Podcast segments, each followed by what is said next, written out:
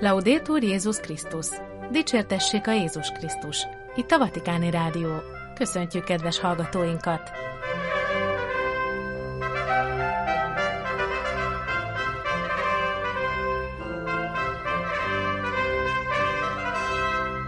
A mikrofonnál a szerkesztő Gedő Ágnes.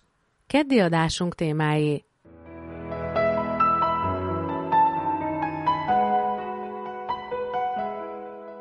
Ferenc pápa részvét távirata a burkina faszói merényletek kapcsán.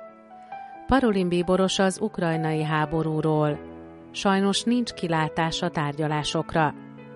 Iroda nyílt Rakkában az északkelet szíriai keresztények tulajdonának védelmére. Elraboltak, majd megöltek négy ortodox szerzetest Etiópiában. Szent Misével ünneplik második János Pál pápa szentélvatásának tizedik évfordulóját Rómában.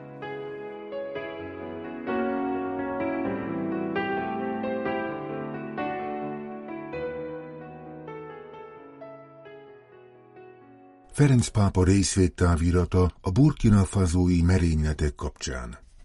Pietro Parolin bíboros államtitkár aláírásával Kedden Ferenc pápa részvédtáviratot küldött Laurent Debiré püspöknek, Burkina Faso és Niger püspöki konferenciája elnökének a vasárnap történt merényletek kapcsán, amelynek következtében egy katolikus templomban 15 imádkozó hívőt, egy mesetben pedig 14 imádkozó muzulmán férfit öltek meg terroristák. Ferenc pápa mély szomorúsággal értesült a február 25-én vasárnap az ország Essekáne helysége katolikus templomában történt tragikus terrortámadásról, amelynek következtében sokan életüket vesztették. A Szent Atya csatlakozik a gyászoló családokhoz, közelségéről és lelki együttérzéséről biztosítva őket. Ferenc pápa hasonlóképpen szomorúságának ad hangot a muszlim közösségnek a Nati a Bauni község mecsetje ellen elkövetett támadás miatt. Imádkozik az elhunytakért, Isten irgalmára bízva őket, valamint a sérültek gyógyulásáért is. A pápa emlékeztet arra, hogy a gyűlölet nem oldja meg a konfliktusokat, és ezért a szent helyek tiszteletére és az erőszak elleni küzdelemre szódít fel a béke értékei védelmében. Arra kéri az urat, hogy adjon erőt és vigasztalás mindazoknak, akiket ezek a tragédiák érintenek. Végül pedig a Szent Atya Isten áldását kéri Burkina Faso minden lakójára, valamint az egész nemzetre. A Fidesz katolikus missziós hírügynökség hétfő jelentése beszámol mindkét merényletről. Katolikus hívek maradék kis közössége a szokásos vasárnapi közös imára gyűlt össze egy katekéta vezetésével, február 25-én vasárnap reggel az ország északi részén a Dori püspöki székhelytől mintegy 45 kilométerre fekvő Essa Kane nevi faluban, amely a Szakhel övezetben fekszik. A kis Essakáne falu az úgynevezett három határ térségében található Burkina Faso, Mali és Niger határán, amely a dzsihadista fegyveres csoportok búvóhelye. A Fidesz missziós hírügynökség jelentése a Laurent Dabiré Dóri püspöktől kapott információkra hivatkozik. Ez vasárnap reggel fél kilenckor törtek be a dzsihadisták a kápolnába, ahol a hívek egy katekéta vezetésével végezték vasárnapi imájukat. 2018 óta ugyanis a helyi hívő közösségek többsége menekülni kényszerült a dzsihadista csoportok állandó erőszakoskodása miatt. Itt csak kevés katolikus maradt az otthonában, akiknek nem lévén állandó saját papjuk, a vasárnapi Isten tiszteletet egy hitoktató vezetésével tartják. A fegyveres terrorista a kápolnában lelőtték a férfiakat, de a nőknek megkegyelmeztek. Tizenketten a helyszínen meghaltak, hárman pedig később belehaltak sérüléseikbe. Tájékoztatott Laurent Dabiré püspök. A francia AFP hírügynökség tájékoztatása szerint vasárnap Burkina Faso egy másik térségében az ország délkeleti részén fekvő Natia Boani településen az előzőhöz hasonló véres merénylet történt egy ottani muszlim mecsebben imádkozó férfiak ellen. Itt is fegyveresek hatoltak be az épületbe, és öltek meg tizenkét embert, akik közül két sebesül pedig később halt bele sérüléseibe. Parolin bíboros az ukrajnai háborúról. Sajnos nincs kilátás a tárgyalásokra. A vatikáni bíboros államtitkár nyilatkozott az újságíróknak a római Szeplőtelen Fogantatás Bőrgyógyászati Intézet új osztályának felavatásán. Megerősítette, hogy a pápa jó egészségi állapotban van. Navalnyi halála kapcsán kiemelte, hogy fontos tisztázni, mi is történt valójában. A közelmúltbeli olaszországi tüntetések során elkövetett erőszakos cselekményeket illetően mindenkit megfontoltságra buzdított. Mindenki arra hivatott, hogy megfontolt legyen, hangsúlyozta Pietro Parolin bíboros államtitkár, aki február 26-án hétfőn nyilatkozott a római IDI kórház új diagnosztikai központjának felavatásán az olaszországi tüntetésekről. A palesztinpárti pízai és firenzei tüntetések során összecsapásokra került sor az olasz rendőrség és a diákok között. Általánosságban szólva a bíboros kijelentette, hogy a gumibot bizony kudarc, viszont lehet tüntetni megfelelő módon is. Mindig meg kell találnunk a megfelelő módot igényeink kifejezésére, akár tiltakozásainkra is, és ugyanakkor készen kell állnunk arra, hogy elfogadjuk azokat. A bíboros Ferenc pápa egészségi állapotáról is beszélt, és megerősítette, hogy a pápa jól van. Influenzás volt, de felépült. Ma este el kellett mennem hozzá, de itt vagyok. Az audienciát nem függesztették föl. Tehát ez azt jelenti, hogy felépült és folytatta normális tevékenységét. Nemzetközi téren a vatikáni államtitkár Alexei Navalnyi orosz ellenzéki politikus haláláról szólva kiemelte, hogy fontos lenne tisztázni, mi is történt valójában. Ez még azokat is megnyugtatná, akik nyilvánvalóan egyfajta értelmezést adnak a halálának. Az ukrajnai helyzettel, a tárgyalás lehetőségével is foglalkozott nyilatkozatában a bíboros. Matteo Zuppi bíboros, az olasz püspöki konferencia elnökének küldetésére utalva kijelentette. Megpróbálunk azon munkálkodni, hogy egy kicsit megkönnyítsük ezt a mechanizmust, amelyet Kijevben és Moszkvában tett látogatása alkalmával sikerült létrehozni a gyermekek és fiatalok Ukrajnába való visszatérése érdekében. Ő akkor azt mondta, hogy ez elősegítheti a béke útját. Egyelőre úgy tűnik számomra, hogy csak ez létezik, nincs más kilátás a tárgyalásra, és ez nagyon szomorú, tette hozzá Parolin bíboros. A gazdatüntetésekre vonatkozóan, akik visszatértek Brüsszelbe, hogy kedvezőbb uniós intézkedéseket követeljenek, a vatikáni államtitkár aláhúzta, hogy csak komoly párbeszéddel és meghallgatva a gazdák igényeit lehet eredményt elérni, közeledve hozzájuk. Végül a burkina fazói bizonytalan helyzet kapcsán, ahol 15 keresztényt öltek meg egy vasárnapi istentiszteleten, a bíboros aggasztónak nevezte a terrorizmust, amely számos terület felett átvette az irányítást. Úgy tűnik, a hadsereg azon dolgozik, hogy visszaszerezze az állami ellenőrzést a terület fölött, de sajnos nem ez van, és folytatódnak ezek az igazán elítélendő események, jegyezte meg a vatikáni államtitkár. Elraboltak, majd megöltek négy ortodox szerzetest Etiópiában. A szükséget szenvedő egyház pápai segélyszervezet hétfő jelentése szerint Etiópiában megölték azt a négy ortodox szerzetest, akiket február 22-én raboltak el Cekvala monostorából. Az etióp ortodox Tevahedo egyház jelentése szerint a korostor adminisztrátorát, titkárát, egy tudós teológust és egy aszkéta szerzetest hurcoltak el. Közleményük szerint a merénylők az Oromó felszabadító hadsereg fegyveres csoportjához tartoznak, amelyek föld alatti kapcsolatban állnak az oromai tartományi kormányzattal, és működési célpontja az etióp ortodox keresztény egyház. Ez a folyamat 2018 óta egyre erősödik. Az oromi konfliktus valójában 1973-ban kezdődött, amikor az Oromó felszabadítási front szembeszállt az etióp kormányjal, amelyet etnikai megkülönböztetéssel vádolt. A 127 millió lakosú Etiópia a világ 11. legnépesebb országa. Afrikában csak Nigéria előzi meg.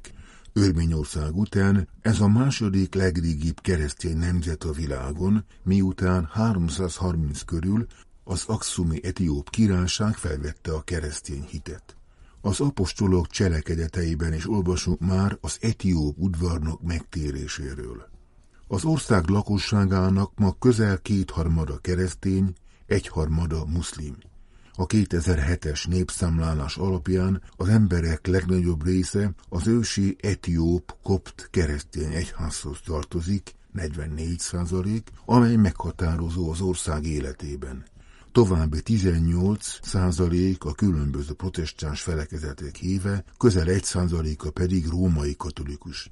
Etnikai szempontból az egyik legjelentősebb réteg az ormóki, akiknek zöme együtt a déli teljes szomáli lakossággal az iszlám követői, a teljes lakosság 34 százaléka. Az ő említett felszabadítási szervezetük hátterében állnak azok a fegyveres csoportok, amelyek immár rendszeresen támadnak ortodox etióp közösségeket.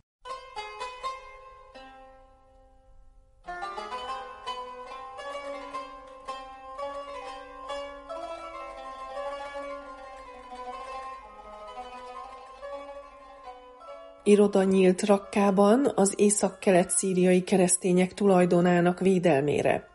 Rakkában, abban a városban, amely 2014. januárja és 2017. októbere között az úgynevezett iszlám állam szíriai fellegvára és fővárosa lett, nemrég nyílt meg a tulajdonügyi főbizottság egy irodája, amelynek feladata, hogy leltárba vegye és védelmezze a törvénytelen kisajátításoktól, a keresztény tulajdonosok ingatlanjait, akik a szíriai konfliktus éveiben hagyták el a régiót, adja hírül a Fidesz missziós hírügynökség.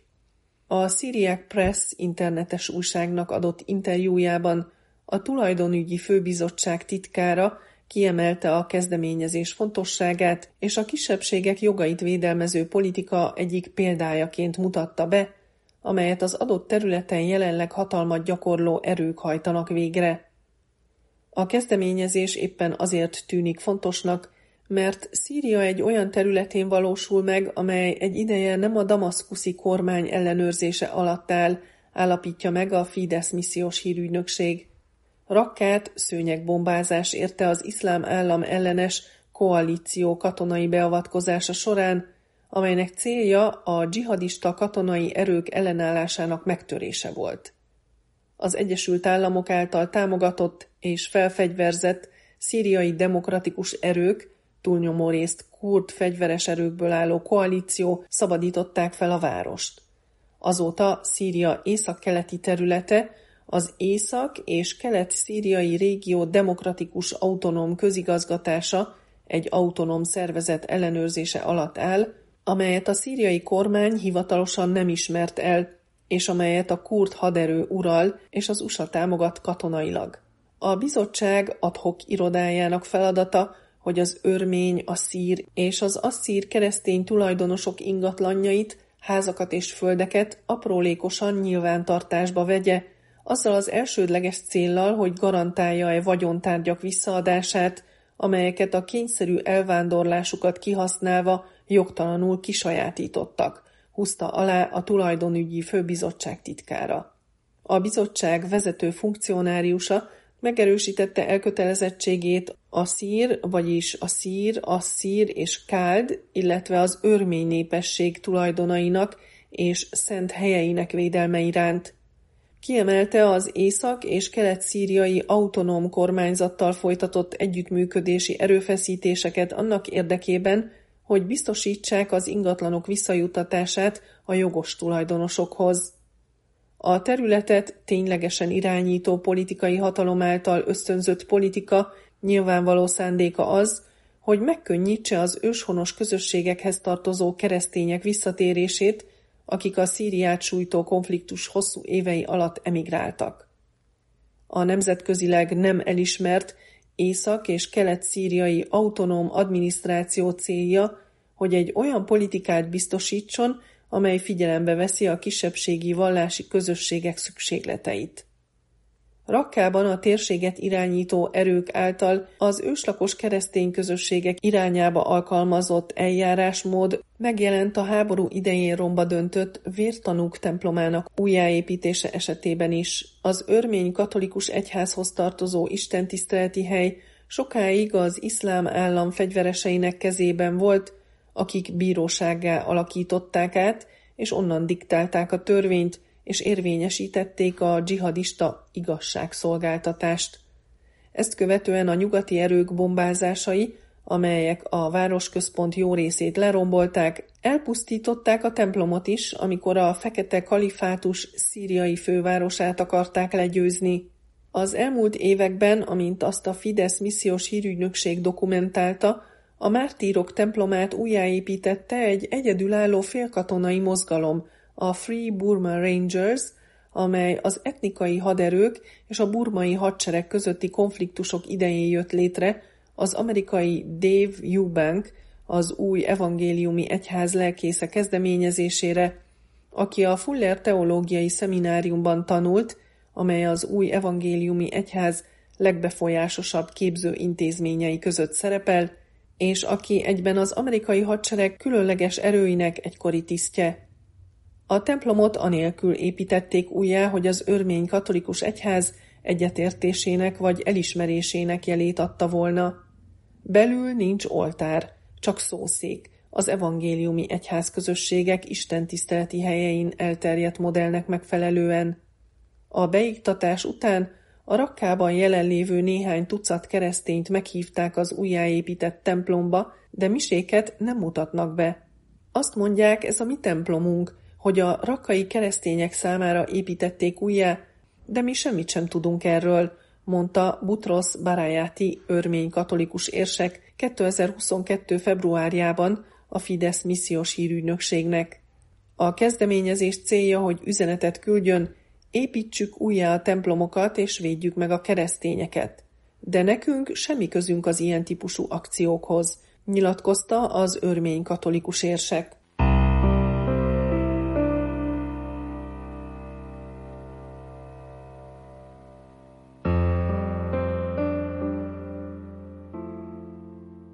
Szent Misével ünneplik második János Pál pápa szentélvatásának tizedik évfordulóját Rómában.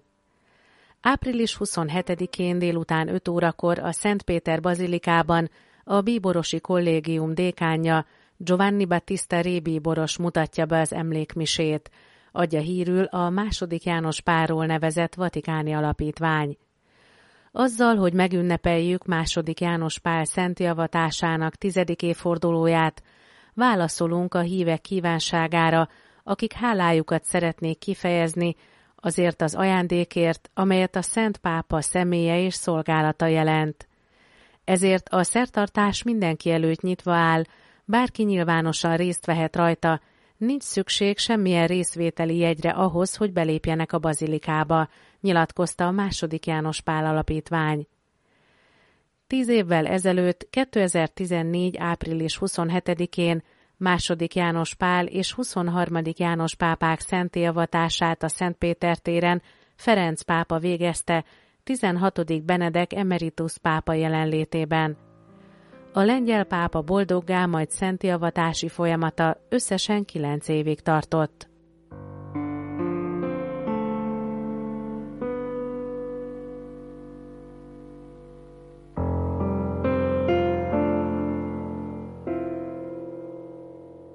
Itt a Vatikáni Rádió, kedves hallgatóink, keddi adásunk véget ért. Köszönjük figyelmüket! Búcsúzik a szerkesztő Gedő Ágnes. Dicsértessék a Jézus Krisztus! Laudétur Jézus Krisztus!